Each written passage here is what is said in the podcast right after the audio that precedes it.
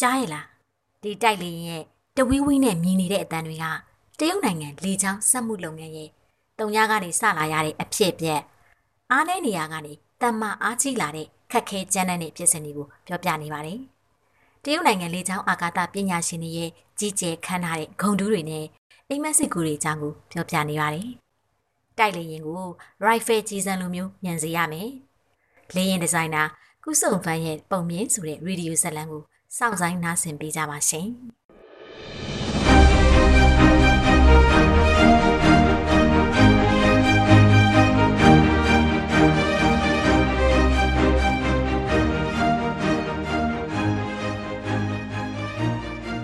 အချိန်စက်ဝင်းကြီးက1939ခုနှစ်ကိုလဲလာပါတယ်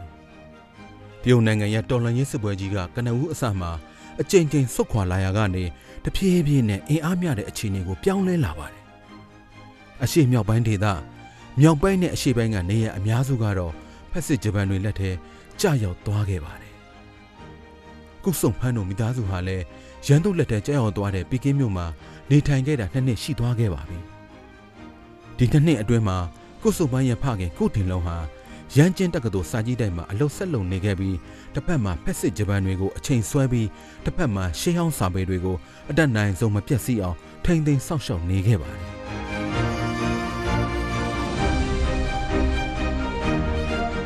ဒီလိုနဲ့တညမှာတော့ထမင်းစားပြီးတဲ့နောက်ကုစုံပန်းဟာစပွဲရှိမှာကျောင်းစာလုပ်နေချိန်သူတို့အိမ်ကိုဧည့်သည်နှစ်ယောက်ရုတ်တရက်ရောက်လာခဲ့ပါတယ်အဲ့ဒီလူနှစ်ယောက်ဟာအသက်အရွယ်ကြီးပြီးတော့မျက်မှန်တက်ထားကြပါတယ်ခုထင်လုံးကဒီလူနှစ်ယောက်ကိုရိုးရိုးသေးသေးနဲ့အိမ်ထဲပေးဝင်လိုက်ပါတယ်ထိုင်ကုန်မှာဝင်ထိုင်ကြပြီးတော့အုပ်ဝေစကားပြောပြီးတဲ့နောက်လာရင်အကြောင်းကိုစတင်ဆွေးနွေးကြပါတော့တယ်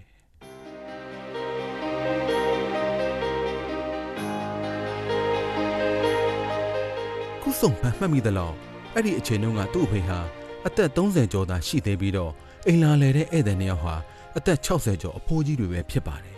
။အ ਨੇ ဆုံးသူ့အဖေထက်အသက်30ကျော်လောက်ပိုကြီးပါတယ်။ဒါပေမဲ့သူတို့နှစ်ယောက်လုံးကခုဆုံမန်းရဲ့အဖေကိုတလေးတစားနဲ့ဆရာကူးလို့ခေါ်နေပါတယ်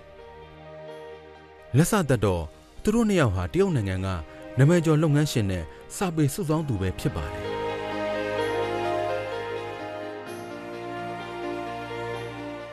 တဦးကရက်ကျင်ခွေလို့ခေါ်ပြီးတော့ကျန်တဦးကကျန်းရွှန်ကြီးလို့ခေါ်ပါတယ်။ကုတင်လုံးစီသူတို့လာရတဲ့ရွယ်ချက်ကကုတင်လုံးကိုရှန်ဟိုင်းမှာဟော်ကျုံလို့အမိပေးထားတဲ့စာကြည့်တက်တစ်ခုကိုဦးစီးဆောင်ရွက်ပေးဖို့လာရောက်ဖိတ်ခေါ်တာပါ။တိုင်းပြည်မတည်ငြိမ်မှုကြောင့်တရုတ်နိုင်ငံရစီမြစ်တောင်ပိုင်းဒေသတစ်ဝိုက်ကစာကြည့်တက်လုပ်ငန်းတွေဟာစိုးစိုးဝါးဝါပျက်စီးခဲ့ပြီးတော့မှရှေးဟောင်းစာပေအတော်များများဟာအရက်ထဲကနေပျောက်ဆုံးသွားကြပါတယ်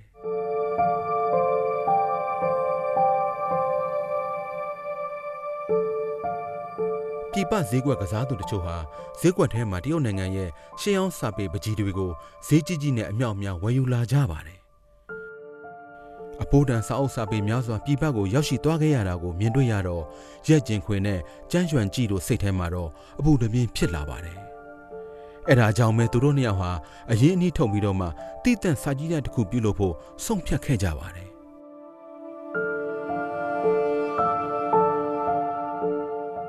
ရက်ထဲမှာပြန့်ကျဲနေတဲ့ရှေးဟောင်းစာအုပ်စာပေအမျိုးမျိုးကိုပြန်လည်ရှာဖွေစုဆောင်းပြီးတော့ဒီရင်ကျေးမှုယေဒနာတွေကိုနောက်လာနောက်သားတွေအတွက်အမွေချန်ရစ်ပေးဖို့ဆုံးဖြတ်ခဲ့ကြပါတယ်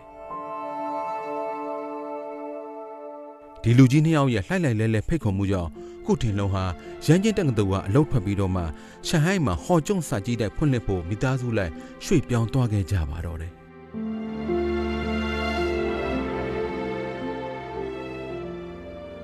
ဒီလိုနဲ့အသက်9နှစ်သားကုစုမန်ဟာပီကင်းကထွက်ခွာပြီးတော့ရှန်ဟိုင်းမြို့ကိုရောက်လာခဲ့ပါတယ်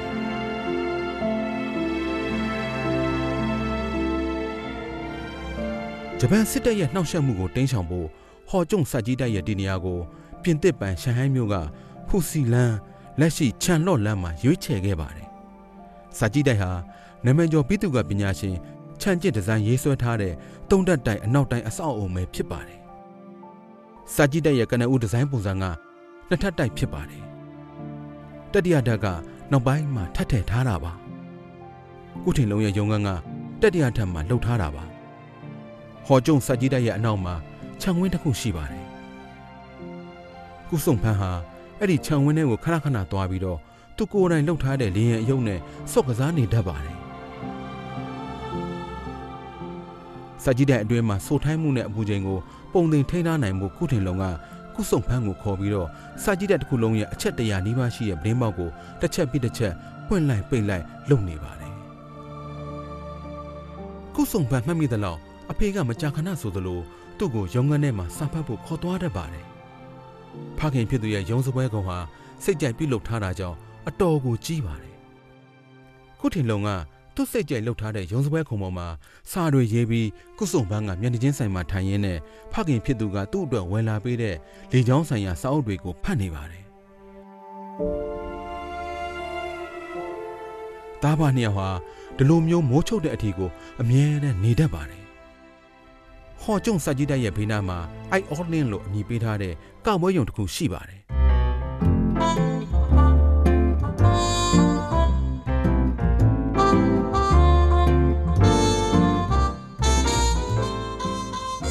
ညတိုင်းလိုလိုကောက်ပွဲယုံဝင်ပေါက်ရှိမှနေုံမီးရောင်တွေတောက်ပနေပြီးတော့အမျိုးသားအမျိုးသမီးတွေဝင်လန့်ထွက်လိုက်နဲ့ပျော်ကြပါကြတီဆိုကကုံနေတဲ့မြင်ကွင်းကိုမြင်နေရပါတယ်အထူးသဖြင့်နွေရာသီမှာရုံခန်းအတွင်းမှာပို့အိုက်တာကြောင့်ဖခင်ပြသူကဗရင်းမောက်ဖွင့်ပြီးတော့အလုပ်လုပ်ရပါတယ်အိုင်အောလင်ကောက်ပွဲယုံတွေကတချင်းတန်ကဗရင်းမောက်ကနေတဆင့်ရုံခန်းထဲကိုဝင်လာတတ်ပါတယ်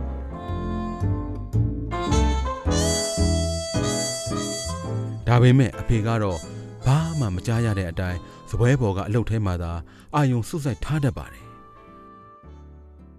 တစ်ချိန်မှာတော့ကုစုံမန်းဟာစူးစမ်းစိတ်နဲ့စပွဲကုံရှိကိုတွားကြည့်တဲ့အခါဖခင်ဖြစ်သူကမှင်တန်တိတ်တိတ်နဲ့ဆုတ်တန်တစ်ချောင်းကိုကင်ပြီးတော့ရှေးအောင်ဆောင်တအုပ်ကိုအာယုံစွတ်စွတ်ဆက်ဆိုင်နဲ့ကူးရင်းနေပါတယ်။အဲ့ဒီရှင်းဟောင်းစာအုပ်ကအလွန်စုပ်ပြန်နေပြီးအဝါရောင်တန်းနေတဲ့စက်ကူဟာထိလိုက်တာနဲ့ကြည်သွားနိုင်တဲ့ပုံပေါ်နေပါတယ်။ စာအုပ်ပေါ်ကလက်ရေးတွေဟာလည်းထင်ထင်ရှားရှားမရှိတော့ပါဘူး။ဖခင်ဖြစ်သူဟာမကြမကြမှန်ဘလူးကိုကင်ကြည့်ပြီးတော့စာအုပ်ပေါ်ကလက်ရေးတွေကိုဂယိုးတဆိုင်နဲ့ကြည့်ကစာလုံးတစ်လုံးချင်းစီကိုတည်တည်တက်တက်ကူးရင်းနေပါတယ်။ဖြူဖွေးတစ်လင်တွေတဲ့စာရွက်ပေါ်မှာကုထင်လုံးကူးရေးထားတဲ့စာလုံးတွေဟာတည်တက်လှပနေပါတယ်။ဖေဖေဘာဖြစ်လို့စာကြည့်တဲ့ဝန်ထမ်းတွေရောမကူခိုင်းတာလဲ ကုစုံဖန်းရဲ့အမေစကားကိုကြားလိုက်ရတော့ဖခင်ပြည်သူကခေါင်းမော်ကြည့်ပြီးတော့ကုစုံဖန်းကိုပြုံးရရင်နဲ့အခုလိုပဲပြောလိုက်ပါတယ်စာကြည့်တဲ့ကအခုမှစလုပ်ခါစားဆိုတော့ဘန္နာဝင်းကတိတ်မလုံးတော့ဘူးတာရဲ့ဝန်ထမ်းတွေလည်းလက်စားနည်းနည်းလေးပဲရကြတာဝါသနာကြောင့်သာဒီအလုပ်ကိုလုပ်နေကြတာလေဖေဖေကစာကြည့်တဲ့မှုတယောက်ဖြစ်တော့အရင်နည်းနဲ့ချွေတာရမှာပေါ့ကိုယ်တိုင်လည်းရှေ့ဆောင်လမ်းပြလုပ်ပြမယ်အေးအဲ့ဒီတော့ ဣစာတော်တော်များများကိုကိုယ်တိုင်ကိုယ်ကြလုပ်ရမှာပေါ့တာရဲ့အဲ့ဒါဆိုဖေဖေတညာလို့ဆလုံးဖနဲ့လို့ကူးရင်းနိုင်လေဟွန်းခမန်းကြီးအလုံး3000ကျော်လောက်ပေါ့ကွာကုစုံဖန်းဟာဖခင်ဖြစ်သူရဲ့ရုံးစပွဲပေါ်ကလူတစ်ရက်စာလောက်အမြင့်ရှိတဲ့ရှင်းအောင်စာအုပ်ပုံကြီးကိုကြည့်ရင်တက်အံ့တော်နဲ့ပြန်မေးမိပါတော့တယ်စာအုပ်တွေဒီလောက်အများကြီးကိုဖေဖေဘယ်တော့မှကူးလို့ပြီးနိုင်မှာလဲဖခင်ဖြစ်သူဟာ လက်ထဲကစုတ်တံကိုမှင်တန်စင်ပေါ်မှာအตาရတင်လိုက်ပြီးတော့ပြောလိုက်ပါတယ်အေးစာအုပ်စာပေဆိုတာဘယ်တော့မှကူးလို့မပြီးဘူးတာရဲ့ဒီလောကကြီးနဲ့နှိုင်းရှင်လိုက်ရင်ဖေဖေတို့လူသားတိုင်းကတက်တန်းအရန်တူကြတယ်ဒီစာအုပ်ပြန်ကူးရတဲ့အလုပ်ကိုပဲဥပမာပြောကြတာပေါ့ဖေဖေကဒီစာအုပ်တွေကိုကူးရနေတာလို့ပြောမဲ့စားစာအုပ်ကူးရတဲ့နေနဲ့ဖေဖေရဲ့ဘဝကို ကျေပြန့်တဲ့စာအုပ်စာပေလောကထဲမှာပေါင်းဆက်လိုက်တာလို့ပြောရင်ပုံမှန်တာပေါ့ဒီဖြစ်စဉ်ထဲမှာဖေဖေရတဲ့ကုအလုံးနဲ့ကိုပျော်နေရတာပေါ့လေ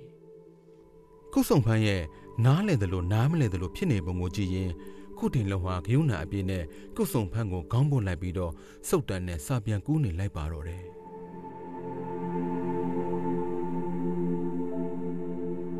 ကုစုံဖန်းက ရှန်ဟိုင်းမှာမူလာတန်းနဲ့အလဲတန်းကိုတက်ပြီးနောက်ဖက်စစ်တော်လိုင်းရင်တိုက်ပွဲဟာအောင်မြင်မှုရရှိလာခဲ့ပါတယ်1948ခုနှစ်မှာကုစုံပန်းဟာအထက်တန်းအောင်ပြီးတက္ကသိုလ်ရှောင်းလာပေါ်မှာကုစုံပန်းဟာကျဲကျန်းတက္ကသိုလ်ချင်းဟွာတက္ကသိုလ်နဲ့ရှန်ဟိုင်းကျောင်းတုံးတက္ကသိုလ်ကိုဖြည့်ခဲ့ပါတယ်။မေဂျာရွေးချယ်မှုမှာတော့လေကြောင်းအင်ဂျင်နီယာလို့ဖြည့်ထားလိုက်ပါတယ်။ကံကောင်းစွာနဲ့ပဲတက္ကသိုလ်သုံးခုလုံးကကုစုံပန်းကိုတက္ကသိုလ်တက်ရောက်ခွင့်ပေးလာခဲ့ပါတယ်။ ကုစုံပန်းရဲ့အကူကအသက်18နှစ်အရွယ်မှာဥယောငန်းဖျားယောဂါနဲ့ကန်ဆိုးစွာကွယ်လွန်သွားခဲ့ပါတယ်။အဲ့ဒီအချိန်ကစပြီးတော့မိခင်ဖြစ်သူကလည်းစိတ်ကြယောဂါရလာခဲ့ပါတယ်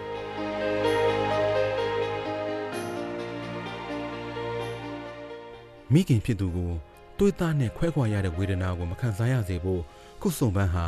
ရှန်ဟိုင်းကျောင်းတုံးတက္ကသိုလ်ကိုရွေးချယ်ခဲ့ပါတယ်။ဒီလိုရွေးချယ်လိုက်တာ ကိုဝဒနာပါရပညာရက်ကိုသင်ယူနိုင်တယ်လို့အိမ်မှာပဲနေပြီးမိခင်အနားမှာအဖော်ပြုပေးနိုင်ပါတယ်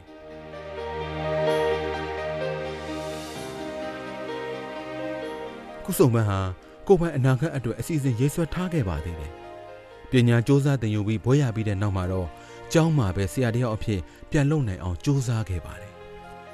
1949ခုနှစ်မှာတရုတ်နိုင်ငံတော်တည်တည်ထောင်ခဲ့ပါတယ်1952ခုနှစ်မှာကုစုံပန်းဟာ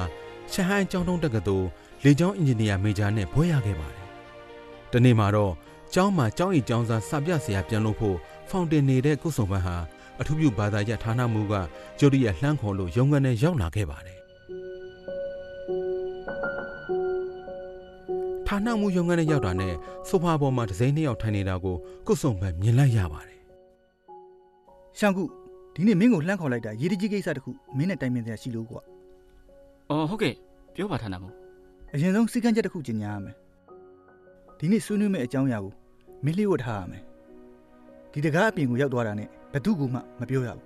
မင်းလိုက်နိုင်နိုင်မလား။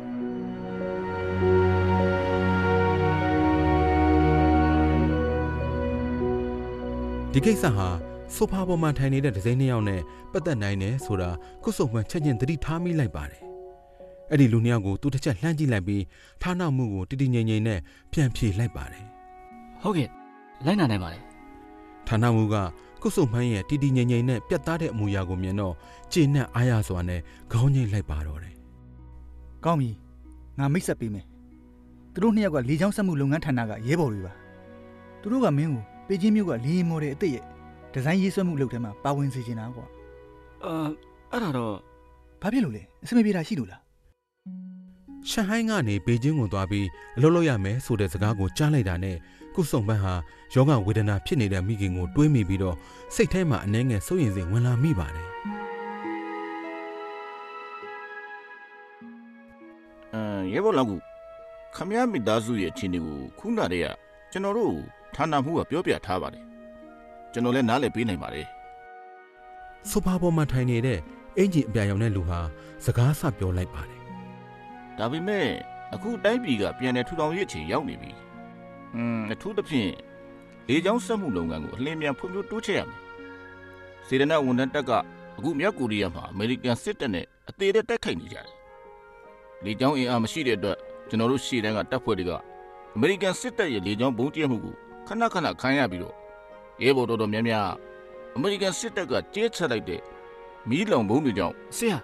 စက်မပြောပါနဲ့တော့။ ဆရာတို့နဲ့ဘေးချင်းမျိုးကိုကျွန်တော်လိုက်ခဲ့မယ်။လေကြောင်းစက်မှုလုပ်ငန်းဌာနကရဲဘော်ရဲ့ပြောပြမှုကိုနားထောင်ရင်းနဲ့ကုစုံပန်းဟာ1938ခုနှစ်ဇူလိုင်လရဲ့မနက်ခင်းစီကိုအတွေးတွေပြန်ရောက်သွားပါတော့တယ်။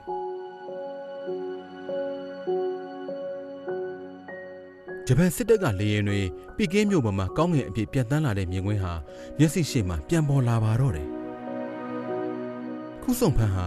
ပေကျင်းမြို့ကလေကြောင်းစက်မှုလုပ်ငန်းဌာနမှာကြကြမနေလဲရပဲနဲ့ရှန်ရန်လေရင်တိဆောက်ရေးစက်ရုံကလေရင်ဒီဇိုင်းဌာနကိုတာဝန်ရွှေ့ပြောင်းခံလိုက်ရပါတယ်။လေရင်တိဆောက်ရေးစက်ရုံကဒီဇိုင်းဌာနကိုဝင်ရောက်လာနိုင်တဲ့သဘောက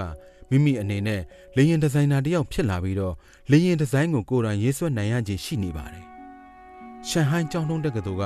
လေကြောင်းမေဂျာဌာနမှူးရဲ့ရုံးခန်းထဲမှာရဲဘော်နှစ်ယောက်ပြောခဲ့တဲ့စကားကိုပြန်တွေးမိတိုင်းကုစုံပန်းဟာစိတ်တက်တက်ကြွနေပါတယ်။ ဒါပေမဲ့အထုပ်အပိုးတွေနဲ့ရှန်ရန်လျင်တိဆောက်ရေးစက်ရုံရဲ့ဒကမကြီးတဲ့ကိုဝမ်းသာအားရနဲ့ဝင်လာချိန်မှာတော့ကုစုံဖန်းတယောက်ဟာငကိုကဝမ်းသာပျော်ရွှင်နေတဲ့စိတ်တွေဟာလုံးဝပျောက်ကွယ်သွားပါတော့တယ်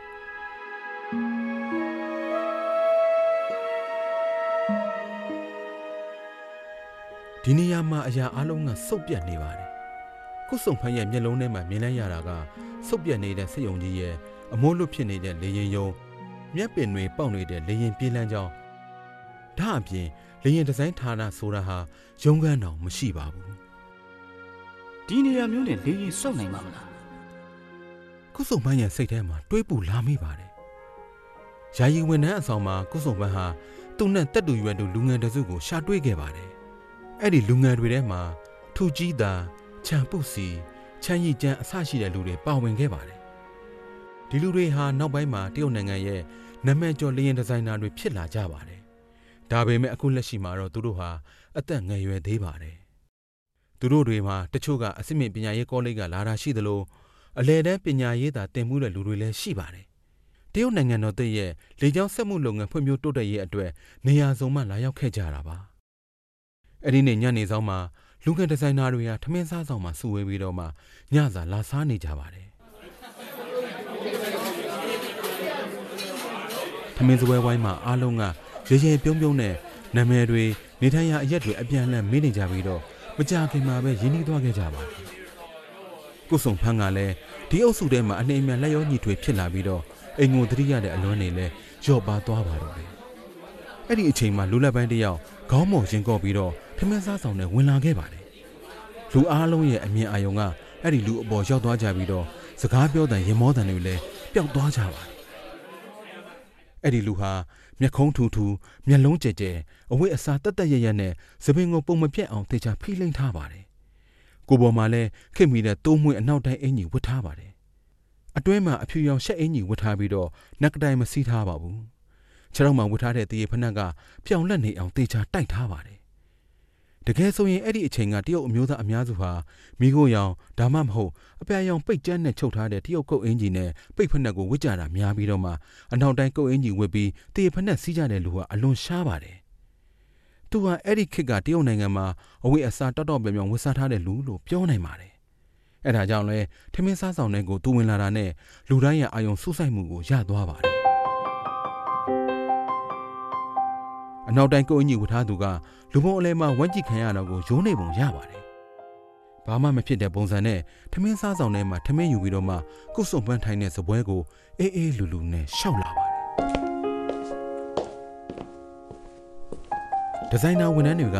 အဲ့ဒီလူလာထိုင်ခြင်းတဲ့ပုံမြင်တာနဲ့အလိုလိုဘေးကတ်ထိုင်လိုက်ပြီးတော့မှသူလာထိုင်ဖို့နေရာဖယ်ပေးလိုက်ပါတယ်။အဲ့ဒီလူကလည်းအားနာမနေပဲ မှန်ပြန်ကြည့်လို့ရလောက်တဲ့လူမီနီယံလင်ပန်းကိုထမင်းစပွဲပေါ်တင်လိုက်ပြီးတော့မှထိုင်ကုန်တစ်လုံးဆွဲယူကအေးအေးဆေးဆေးထိုင်လိုက်ပါတယ်။ပြီးတာနဲ့သူဟာဒီဇိုင်နာဝန်ထမ်းအားလုံးရဲ့ငယ်ရွယ်သေးတဲ့မျက်နှာတွေကိုစစ်စစ်ကြည့်လိုက်ပြီးတော့မှစကားဆပြောလိုက်ပါတော့တယ်အားလုံးပဲမင်္ဂလာပါငါနာမည်ကရွှေဆွင့်ဆိုပါမင်းတို့ရဲ့ဒီဇိုင်နာချုပ်ပေါ့။ရွှေဆွင့်ဆိုဟာကုစုံဖတ်နဲ့73နှစ်ပိုကြီးပါတယ်။အမေရိကန်နိုင်ငံမှာပညာတော်သင်တက်ရောက်ခဲ့မှုပြီးတော့ အမေရိကန်နိုင်ငံကလေယာဉ်တိစောက်ရေးလုပ်ငန်းမှာလေယာဉ်ဒီဇိုင်းရေးဆွဲတဲ့အလုပ်ကိုလုပ်ကင်ခဲ့မှုတာကြောင့်လေယာဉ်ဒီဇိုင်းရေးဆွဲမှုအတွေ့အကြုံကျွယ်ဝပါတယ်။ဒီဇိုင်းဌာနရဲ့ဝန်ထမ်းအားလုံးလူစုံတက်ဆုံရောက်နေကြပါပြီ။ဒါပေမဲ့ရုံးခန်းအတီးကြမရှိသေးတဲ့အတွက်ရွှေဖင့်ဆိုဟာဒီဇိုင်နာတွေကိုခေါ်ပြီးတော့မှရှန်ရန်လေရင်တိစောက်ရေးစိတ်ုံတွေကခြုံဝင်းထဲမှာရှောက်ပဲကြည့်နေပါတယ်။ အုတ်နီခဲနဲ့စောက်ထားတဲ့အိမ်စုပ်တစ်လုံးရှိကိုရောက်တဲ့အခါမှာတော့ရွှေဖင့်ဆိုဟာရတနာကောက်ရတယ်လို့မျက်လုံးလက်သွားပါတယ်ဒီနေရာပဲ။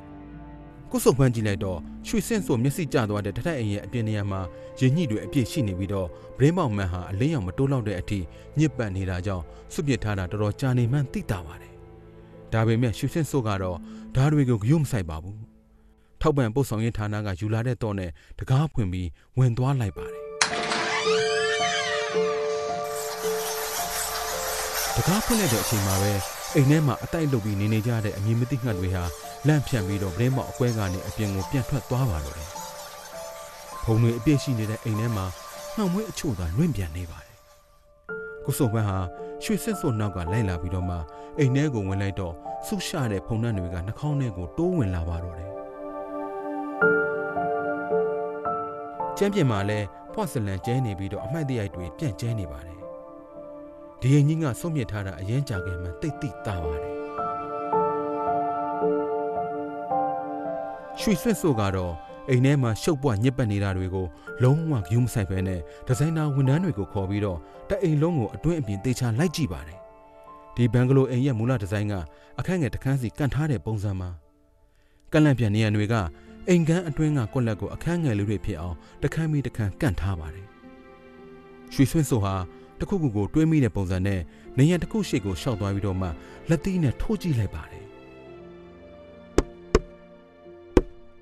ပြီးတော့နောက်နေရန်တစ်ခုရှေ့ကိုဆက်သွားပြီးတော့မှထိုးကြည့်လိုက်ပြန်ပါတယ်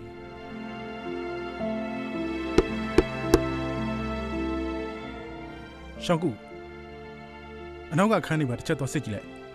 ဝင်းစင်းနေရန်ရှိမရှိကြည့်ကြည့်လိုက်ကုစုံဖန်းကတခြားဒီဇိုင်နာတွေနဲ့လူစုခွဲပြီးတော့နေရန်တွေလိုက်ခေါက်ကြပါတယ်အိမ်စုံလေးထဲမှာဒီဇိုင်နာဝန်ထမ်းတွေရဲ့နေရန်ထုရိုင်နေတဲ့အတန်းဟာနေရန်အနှံ့ကြားနေရပါတယ်တိတ်မကြခင်မှာပဲရွှေစစ်စုံရှေကိုအားလုံးပြန်ရောက်လာကြပါတယ်ဆရာရှိဟိုဘက်ကကျွန်တော်စစ်စစ်ကြည့်တဲ့အခန်းတွေကကလပ်ပုတ်နိုင်ရန်တို့ကြီးပဲကျွန်တော်ဘက်မှလည်းအတူတူပဲရွှေစင်းဆိုဟာအခန်းတစ်ချုပ်ကိုလိုက်ဝင်ကြည့်ပြီးတော့မှ ထုတ်တန်းတောက်တိုင်အဆရှိတဲ့အဓိကအစိတ်ပိုင်းတွေကိုတေချာလိုက်စစ်ဆေးနေပါတယ်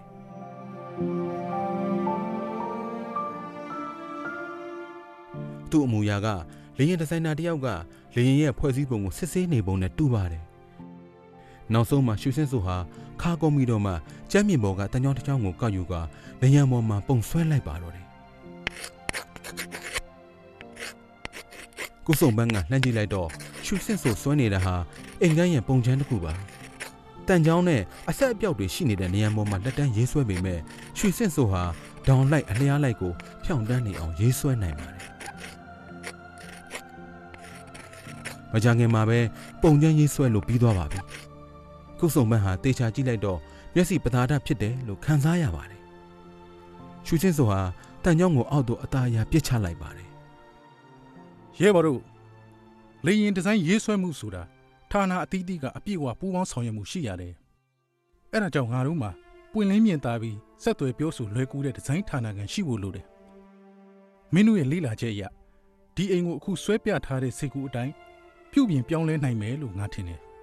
ဒီတော့ဝင်းစဲမဟုတ်တဲ့နေရန်တွေအားလုံးကိုဖြိုပြီးတော့အခန်းငယ်တွေကိုအခန်းကျယ်ဖြစ်သွားအောင်ငါတို့အတူတူလုပ်ကြမယ်နောက်၄၅ရက်အကြာမှာတော့ ရွှေစင့်ဆိုဟာအနောက်တိုင်းကိုအင်ကြီးကိုချွတ်လိုက်ပြီးရှက်အင်ကြီးလက်ကိုခောက်လိုက်ကလူငယ်ဒီဇိုင်နာတွေနဲ့အတူကိုယ်တိုင်ကိုကျနေရန်တွေဖြိုတန့်ရှင်းရေးတွေလည်းလုပ်ခဲ့ကြပါတယ်။အားလုံးရဲ့စူးစမ်းမှုကြောင့်ငကိုကဆုတ်ပြတ်နေတဲ့အင်္ဂလိပ်ဟာပြန်လည်သွတ်လင်လာပါတော့တယ်။တရုတ်နိုင်ငံရဲ့ပထမအုပ်ဆုံးလေယာဉ်ဒီဇိုင်းရုံးခန်းအသစ်ဟာနောက်ဆုံးတော့နေရအတီအကျဖြစ်လာပါတော့တယ်။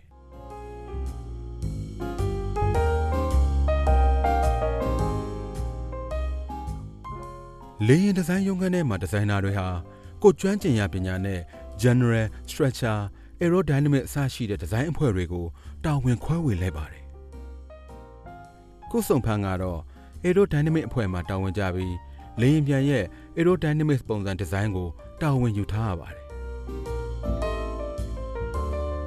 ရုံးခန်းနေရာတော့ရှိလာပါပြီ။ဒါပေမဲ့ပုံဆွဲစပွဲကုန်မရှိသေးပါဘူး။ရွှေစွင့်စုတ်ကတော့ ပုံဆွဲစပွဲခုံပုံကျန်းတစ်ခုလက်တန်းဆွဲလိုက်ပါတယ်။ပုံကျန်းရဲ့အောက်ဖက်နားမှာအသေးစိတ်လိုအပ်ချက်တွေကိုလည်းရေးထားခဲ့ပါတယ်။ပြီးတော့ဒီဇိုင်နာတွေကိုဒီပုံကျန်းပေးပြီးတော့ပုံကျန်းတဲ့ကအတိုင်းပုံဆွဲစပွဲခုံရဲ့အသေးစိတ်ဒီဇိုင်းပုံကိုရေးဆွဲခိုင်းခဲ့ပါတယ်။တရုတ်နိုင်ငံတော်တည်းရဲ့ပထမဆုံးလေရင်ဒီဇိုင်းဌာနရဲ့ပထမဆုံးလက်ရာဟာကိုပုံဆွဲရမယ်စပွဲခုံဖြစ်နေခဲ့ပါတယ်။ဒီဇိုင်နာတွေကလည်း ဒီတာဝန်ကိုအလင်းမြန်ပြီးမြောက်အောင်လုပ်ခဲ့တယ်လို့ရွှေဆွစ်ဆိုကလည်းရလက်ကိုကြည့်ပြီးနောက်အတော်လေးကျဉ်တ်ခဲ့တာနဲ့ဒီအသေးစိတ်ပုံစံကိုလက်သမားအလုပ်ယုံကိုပို့ပေးလိုက်ပါတယ်မကြခင်မှာပဲဒီဇိုင်းတစ်ဆန်ပြီးပုံကြပန်းကြနဲ့ကြည့်ကောင်းတဲ့ပုံဆွဲစပွဲခုံတွေကိုဒီဇိုင်နာဌာနထဲတည်လာခဲ့ကြပါတယ် ရွှေစင်ဆိုရဲ့အကြံပြုချက်အတိုင်းအခန်းကျက်ပုံစံဒီဇိုင်းဌာနခန်းထဲမှာအဖွဲ့အသီးသီးရဲ့ပုံဆွဲစပွဲခုံတွေကိုအခန်းအလယ်မှာညီညီညာညာတန်းစီထားပြီးစပွဲခုံတွေကြားမှာအကာအယံလှုပ်ထားခြင်းမရှိတာကြောင့်ဒီဇိုင်နာတွေဟာအချိန်မရွေးပြောဆိုဆက်ဆံနိုင်ပါတယ်။ရွှေစင်ဆိုနဲ့လက်ထောက်ဒီဇိုင်နာချုပ်ဖြစ်တဲ့ဟွန်ကျစ်ချန်ဟာသူတို့ရဲ့ရုံးစပွဲခုံကိုအခန်းတောင်မှာနေရာချထားပါတယ်။ဒီဇိုင်နာတွေကအလုပ်ထဲမှာဖြည့်ရှင်းလို့မရတဲ့ပြဿနာတွေတိုင်းသူ့စီမှာအချိန်မရွေးလာမေးမြန်းဖြည့်ရှင်းနိုင်ပါတယ်။ အရာအလုံးပြင်ဆင်ပြီးတဲ့အခါမှာတော့တရုတ်နိုင်ငံတော်တည့်ရဲ့ပထမဦးဆုံးလေယာဉ်ဒီဇိုင်းဌာနကဒီဇိုင်းရေးဆွဲမဲ့ပထမဦးဆုံးလေယာဉ်ပြန်ဟာဘယ်လိုပုံစံမျိုးဖြစ်မလဲဆိုတာစောင့်စမ်းကြည့်ရပါတော့မယ်။